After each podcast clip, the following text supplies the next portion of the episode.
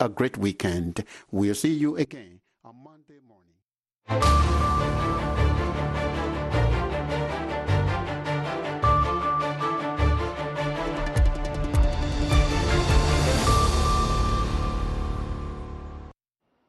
subax wanaagsan dhegeystayaal ku soo dhowaada idaacadda subaxnimo ee laanta af soomaaliga v o a oo idinkaga imaaneysa washington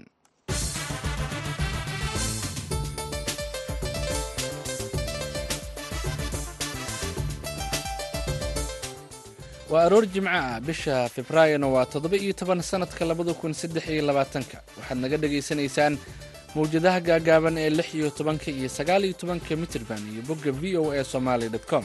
Saacadda afrikada bari waa lixdii iyo barkii aroornimo. Idaacadda saaka iyo caalamka waxaa idinla socodsiinaya aniga oo ah nuur xasan nuur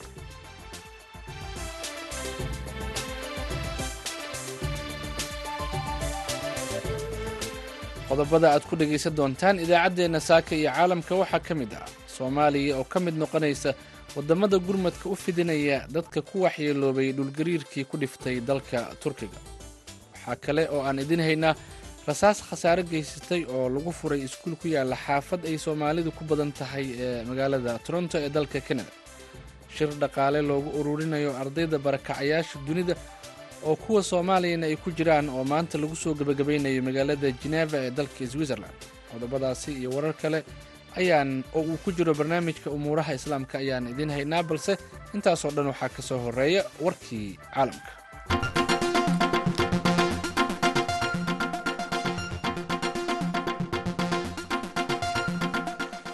guddi xeer beegti gaar ah oo baarayay iskudaygii uu madaxweynihii hore ee maraykanka donald trump iyo xulafadiisa ay ku rabeen in dhankooda loo rido doorashadii gobolka georgia ee qaybta ka ahayd doorashadii madaxtinimada maraykanka ee sannadkii labada kun iyo labaatankii ayaa sheegay in qaar ka mid ah markhaatigii ay la kulmeen ay been abuur sameeyeen. Warbixin ay khamiistii shalay soo saareen ayay ku booriyeen dacwad oogayaasha degmada fulton ee gobolka georgia in ay dacwad ku soo ogaan dadka la tuhunsan yahay warbixinta oo uu fasaxay garsoore ka howlgala georgia ayaa la sii daayay qeyb ka mid ah. Guddiga baaritaanka loo xil saaray ayay ku qaadatay shaqada baarista muddo laba sano ah. Xeerbeegtida ayaa wareystay dhowr markhaati oo u badan jamhuuri balse kuma guuleysan inay wareystaan madaxweynihii hore donald trump madaxweynaha maraykanka jo biden ayaa khamiistii shalay markii ugu horreysay shacabka maraykanka kala hadlay buufinno uu shiinaha soo dulmarsiiyey hawada maraykanka kadibna ay soo rideen diyaaradaha dagaalka ee maraykanka maraykanka ayaa buufinadaasi ku sifeeyey aalado uu shiinaha u adeegsanayay inuu ku basaaso maraykanka madaxweyne biden ayaa sheegay in arrintani uu kala hadli doono madaxweynaha shiinaha shi jinping. Wuxuu intaasi ku daray in washington aysan dooneynin dagaal kale uu qabow ma uusan sheegin. Waqtiga uu la kulmi doono shi balse waxa uu ku adkaystay in maraykanka uu sii wadi doono in arrintani uu shiinaha u marsiinayo qaab diblomaasiyadeed. Warkii caalamka waa naga intaa u diyaar garooba qeybaha inooga haray idaacaddeenna saaka iyo caalamka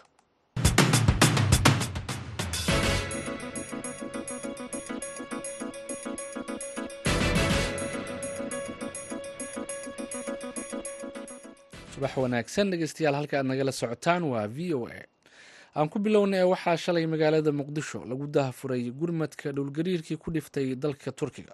Kulan ujeedadan loo qabtay ayaa lagu soo bandhigay lacagta ilaa iyo hadda la ururiyey iyo inta la filayo inay ku soo xarooto muddada saddexda maalmood ah ee loo qabtay guddiga arrintan loo xilsaaray inay howsha ku soo gebagabeeyaan warbixin kooban oo arrintan ku saabsan waxaa inoo haya jacfar kuukay in ka badan afartan kun oo qof ayaa ku geeriyooday tobannaan kun oo guryo ahna way ku burbureen dhulgariirkan oo marka khasaaraha uu geystay la eego naadira awoodda dowladda turkigu ma koobi karto deg deg uga jawaabista musiibadan sidaa daraaddeed waxa uu gurmad uga yimid dowlado badan oo dunida dowladda soomaaliya ayaa magacowday guddi koob iyo toban qof ka kooban oo isugu jira wasiiro culimo ganacsato iyo bulshada rayidka kuwaasoo isku dubaridi doona gargaarka loo fidinayo dowladda turkiga.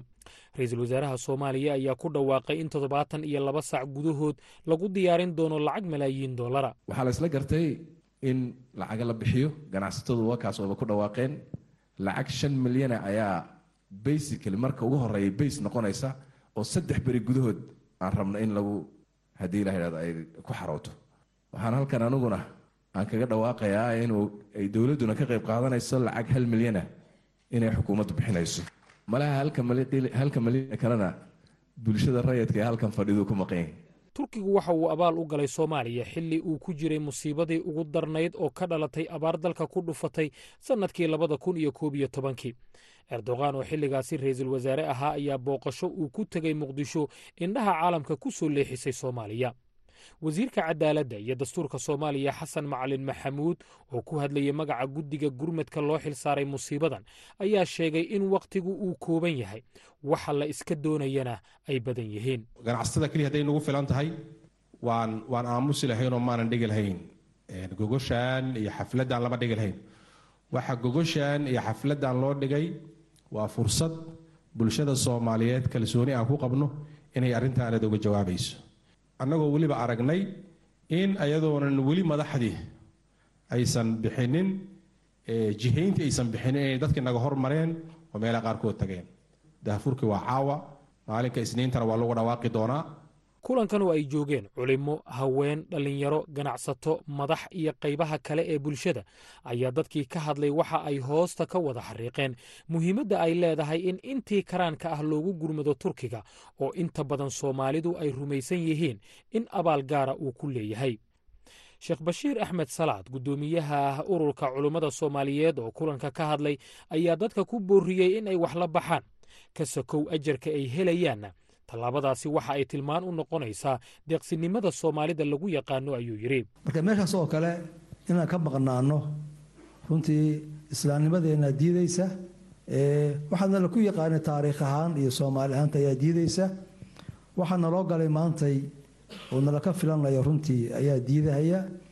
Runtii waxa weye intaasoo macno ayay leedahay in kasta oo aanay qiimo gaara carabka ku dhufan haddana ganacsatada soomaaliyeed ayaa ballan qaaday in ay bixin doonaan inta laga filayo. Guddoomiyaha bankiyada soomaaliya axmed shirwac oo magaca ganacsatada ku hadlayay ayaa sheegay in dhanka kalena ay kaalin weyn ka qaadanayaan sidii loo soo xarayn lahaa. Lacagaha lagu yaboohay. Marka waa idiin bishaaraynaynaa haddaad dowladda tihiin insha allah waana arkaysaan hadduu ila ihahdo maanta waxaan furnay akawnadii saddex tobanka bangi o dhan waan furnay marka maxaa la dhahaa waxaa kaloo jiro e v c gii iyo dahabkii merjantiga u aragtaan. E commercigii oo i b s iyo noogu deeqeen bangiyada kale bay ku wada deeqeen. Marka annaga weelkiiana cid waliba heshiisaan lanahay waa markii ugu horreysay inta la xusuusto oo ay soomaaliya dhaqaale ku taageerto. Dal ku yaalla qaaradda yurub oo weliba ka mid a waddamada ugu horreeya ee muddooyinkan soomaaliya caawimaadda u fidinayey dadka dhaliilsan arrintan ayaa aaminsan in dad baahida kala siman kuwa turkiga iyo siiriya ay ku nool yihiin gudaha waddanka soomaaliya gaar ahaana magaalada muqdisho.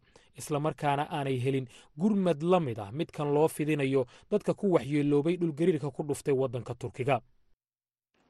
Aad ayuu u mahadsan yahay jacfar kuukay oo warbixintaasi inoo diyaariyey.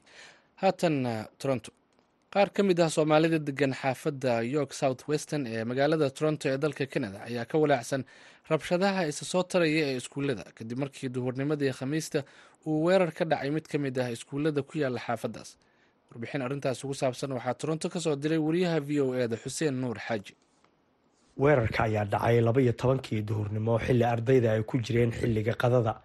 Hal arday ayaa ku dhaawacmay weerarka kaasoo booliisku ay sheegeen in dhaawiciisu uu daran yahay boolisku ma aysan sheegin magaca ardayga dhaawacmay. Sidoo kale ma jiro qof eedeysano ah oo loo qabtay weerarka. Balse waxay tilmaameen in qofka weerarka geystay uu goobta ka baxsaday. Iskuulka weerarku ka dhacay ee western colleget institute oo ku yaalla xaafadda ay ku badan tahay soomaalida york south weston iyo iskuullada kale ee u dhow iskuulkaas ayaa la xiray. Waalidiin oo waxyar uun kadib markii weerarka uu dhacay la xiriiray iskuulka waxaa loo sheegay in aanan loo ogolayn inay cid ka baxdo ama cid soo gasho iskuulka walow markii dambe ardayda la soo fasaxay. Soomaalida degan xaafadda uu ku yaalla iskuulka la weeraray ayaa tilmaamay inay ka walaacsan yihiin dhibaatooyinka ku soo badanaya iskuullada iyagoo carabaabay muhiimadda ay leedahay in wax laga qabto arrimahan xaafadda iskuulka western cleges ka dhacda waa meel soomaalida u wada badan tahay oo xaafad soomaali wada degan tahay. Iskuulka iyo xaafadda aada iyo aada isku dhow yihiin guryo badanaa meesha ku yaalo ciyaal badanaa meesha iskuullada dhigtaan. Aada iyo aada uga xumahay haddana waa dhibaato aada u weyn waayo cunuga dhib weynaa soo gaaray. Marka waxaana camal wax in laga qabto qasab waayo maalin kastoo hooyo kasta taleefon u soo dhacayo iskuulka lacagtana laga dhiga la dhahayo wax fiican ma ahan. Ilmo yaryar ilmo waaweyna meesha saddex iskuul kala meesha ku taalo. Ilmo yaryariisa dhigtaan oo aada u yaryar waa waqtigii lunch timeka ee ahayd waqtiga xabadda ay dhacday. Runtii walaacana haystaahi aaduu u sarreeyaa waa inay qorsho fiican u samayso iskuullada iyo ardayda nabadgelyada. Waa inay booliiska kala kaashato. Waa in tallaabo la qaado marka waxaan soo jeedinaynaa in arrintaas wax laga qabto. Waxaa jiray dhacdooyin badan oo isxigxigay oo laga soo sheegayay iskuullada magaalada toronto.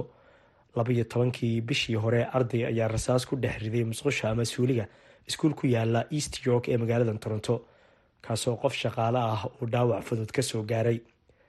Todobaiyo tobankii bishii hore booliiska ayaa xiray arday saddex iyo toban jir ah oo qori macmal ah ama kan ay caruurtu ku ciyaaraan ula baxay ardayda isagoo lacag ka dalbanaya booliiska ayaa waxa uu sheegay xili dambe in saddex iyo toban jirkaas lagu soo oogay laba dembi oo la xiriira dhac qori loo adeegsaday. Arrintan ayaa ka dhacday iskuul ku yaalla xaafadda etobicog ee magaalada toronto. Sidoo kale sagaal iyo tobankii bishii hore booliiska ayaa xiray arday dhiganayay iskuul ku yaalla north york kadib markii qof uu booliisku ku wargeliyey inuu arkay arday qori sita. Iskuulka ayaa markii hore la xiray balse markii dambe oo ay booliisku shaaciyeen in ardayga la xiray ayaa dib loo furay dhacdooyinkan ardayda ku lugta lahaa lama shaacin magacyadooda iyo halka ay asal ahaan ka soo jeedaan. Sababa la xiriira sharci dhallinyarada aan qaangaarka ahayn ka ilaalinaya in la baahiyo magacyadooda ama sawiradooda marka ay faldambiyeed galaan. Dadka ku nool magaalada toronto oo soomaalidu ku jiraan ayaa ka arinsanaya sidii laamaha amniga iyo maamulka magaaladuba cadaadis loogu saari lahaa sidii ay wax ugu qaban lahaayeen dhibaatooyinkan. Xuseen nuur xaaji v o a toronto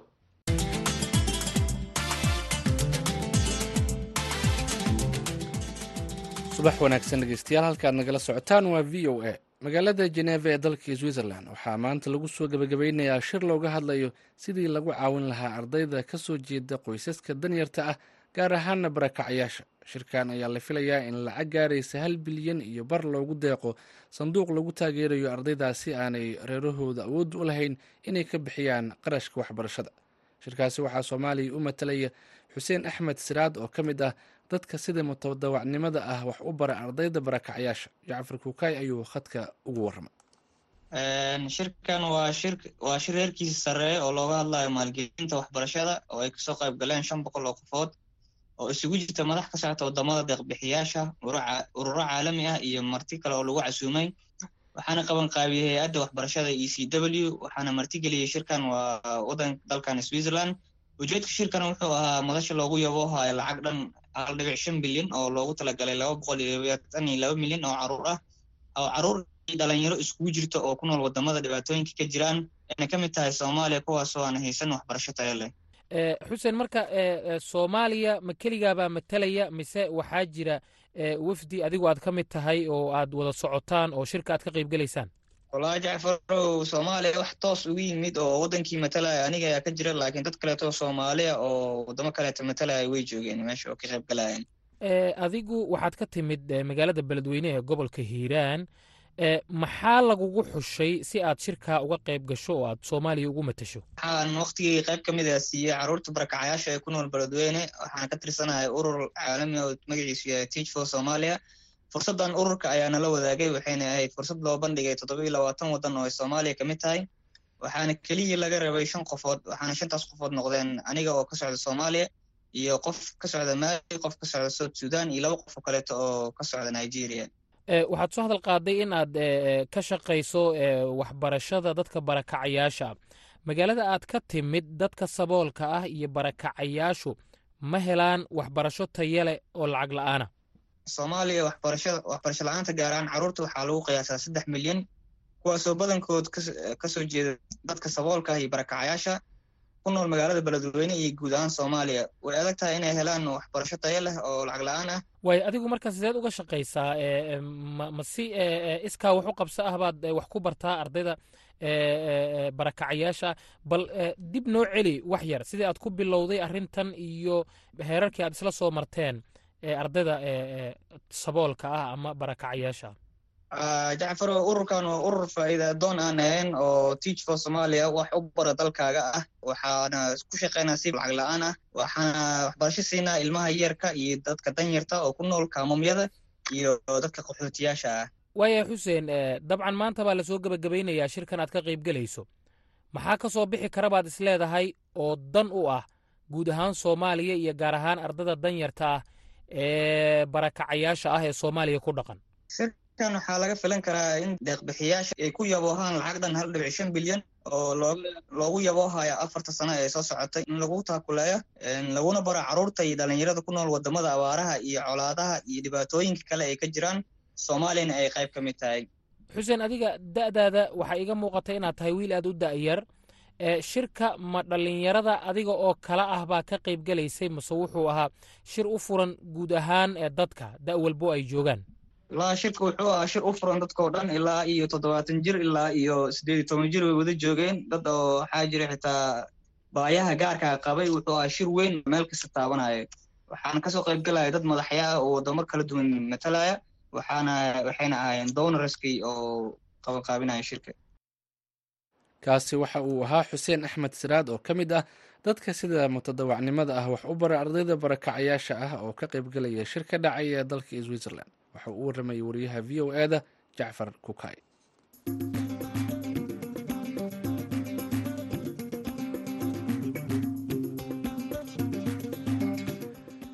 shirkadaha ka shaqeeya diyaaradaha soomaaliya oo ka hadlay heshiiskii is-afgaradka ahaa ee ay dhowaan magaalada nairobi ku wada galeen dowladda soomaaliya iyo ururka caalamiga ah ee gaadiidka cirka ee loo soo gaabiyo i a t a ayaa sheegay in heshiiskaasi uu yahay mid faa'iido badan u leh ganacsiga dhanka diyaaradaha ee soomaaliya iyaga oo soo dhoweeyey heshiiskaas haddaba mursal maxamed cabdi oo ah guddoomiyaha midooda wakiilada safarka iyo dalxiiska soomaaliya ee marka la soo gaabiyo loo yaqaano sata oo ka qayb galay shirka heshiiskaasi ee nairobi ayaa u waramay waryaheena nairobi khadar maxamuud xared.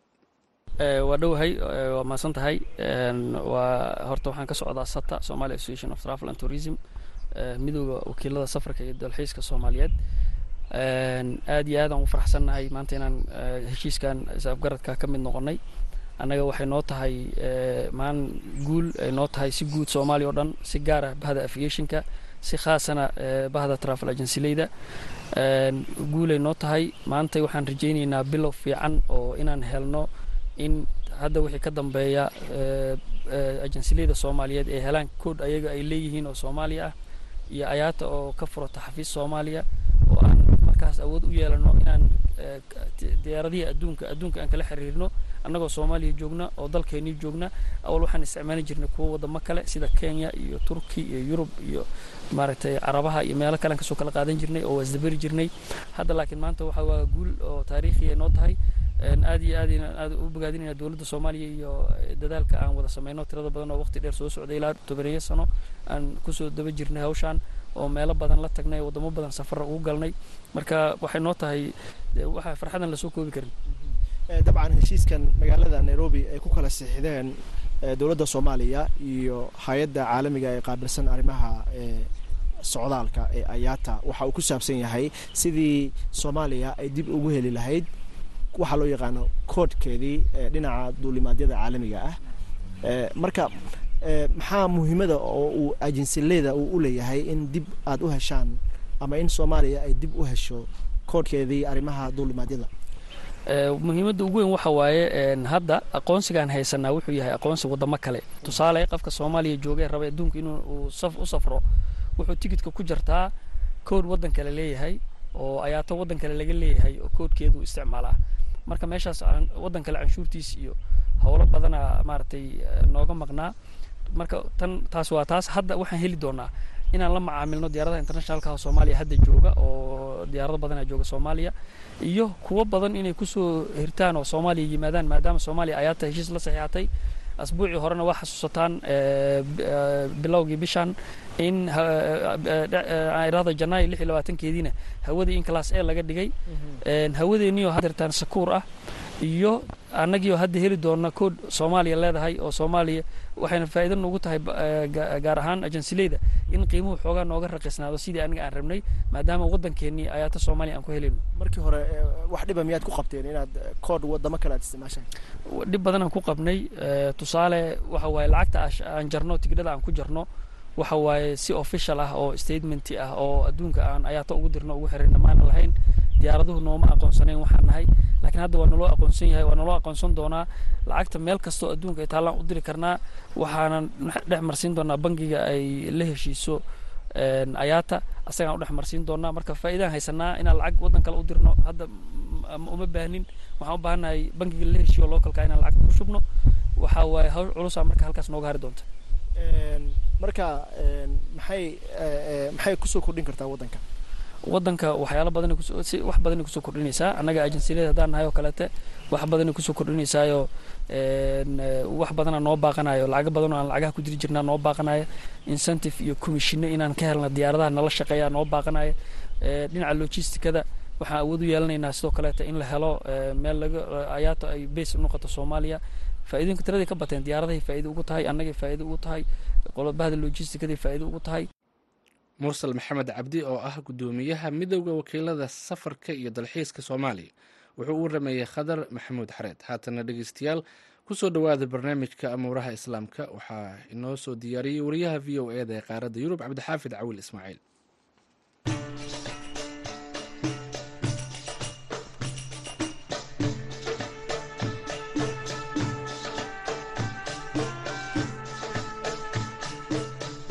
barnaamijkeenna amuuraha islaamka haddii ilaahay raalli ka noqdo waxa aynu ku eegaynaa dhaqaale. Burburkaasi soo wajahaya masar iyo saaxiibadeedii waddamada gacanka carabta inay weli garab taagan yihiin iyo in kale. Dhowaan maruu madaxweynaha masar ka jawaabayay tabashooyin la xidhiira dhaqaale xumada dalka ka taagan.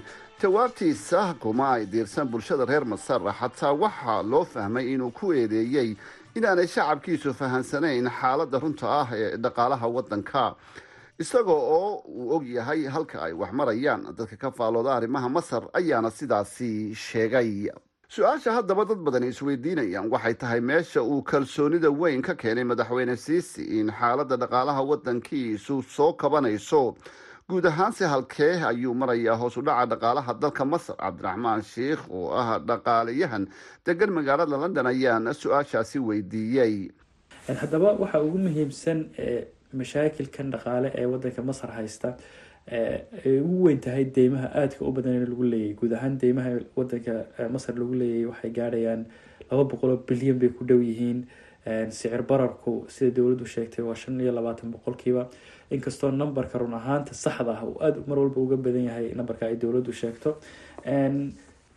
Iyo mashaakil badan oo run ahaantii ka bilaabmay sidoo kale talooyinka bangiga adduunka uu siiyey oo ugu muhiimsanayd inay hoos u dhigaan marka ay sarifayaan lacagta shilinka wadanka masar lagu sarifayo dollarka. Taasoo run ahaantii dhibaatooyin aada u waaweyn u keentay wadanka masar.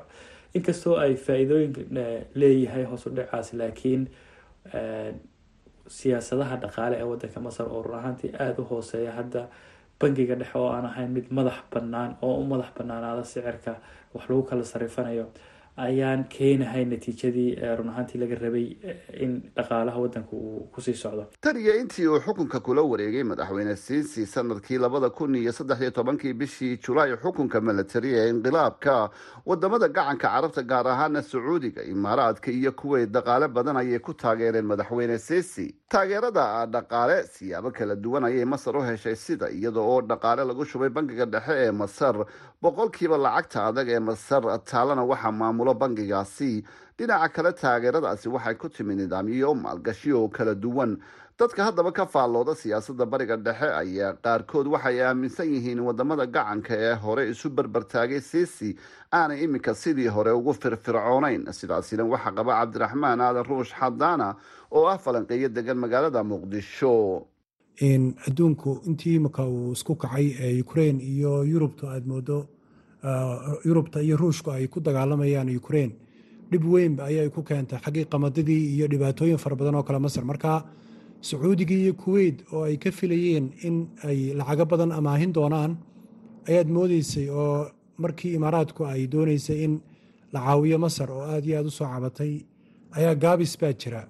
Sacuudiguna waxaad moodeysaa inuu iminka aaminsan yahay inuu siyaasaddiisii dibadda ee dhaqaalaha uu bedelo oo wixii maslaxad ugu jira uun uu awoodda saaro. Marka isbeddelka weyn ee bilaabmay ayaa waxaynu odhan karnaa waxa ay ku keentahay culays weyn masar waana ta keentay runtii in waxa weyaan miidiyada amba warbaahinta masar ay aada u canaanato. Sacuudiga sacuudiguna uu ka jawaabo yidhaahdo lacagtii layska bixin jiray ma jirayso. Wadamada khaliijka waxa kale oo ay damaanad siiyeen hay'adaha maaliyadeed ee caalamiga ah sida hay'adda lacagta adduunka ee i m f si ay u taageeraan dhaqaalaha masar waagii hore si kastaba ha ahaatee wararkii ugu dambeeyey ayaa waxa ay sheegayaan in dalalka khaliijka ay bilaabeen inay kala laabtaan taageeradii ay siin jireen madaxweyne siisi sababo la sheegay inay la xidhiidhaan dhibaatada dhaqaale ee ka jirta masar. Siisi oo wax ka qaban waayey ayaa niyadjab ku keentay waddamada khaliijka ee dhaqaalaha badan ku bixiyey masar intaasi ayaynu dhegaystayaal ku soo gabagabaynaynaa barnaamijkeennii amuuraha islaamka. Aniga oo cabdixaafid cawil ismaaciil ayaa soo diyaariyey oo idinla socodsiinayey tan iyo inta aynu mar kale kulmayno haddii ilaahay raalli ka noqdo dhammaanta iyo waxa aanu idin leenahay sidaas iyo jimco wanaagsan. Jimco wanaagsan ayaan adigana ku leenahay cabdixaafid cawil ismaaciil. Haatana dhinacii heesaha haddii aan aadno waxaan idin soo qabannay heesta ogaaso iyo cabdi tahliil warsame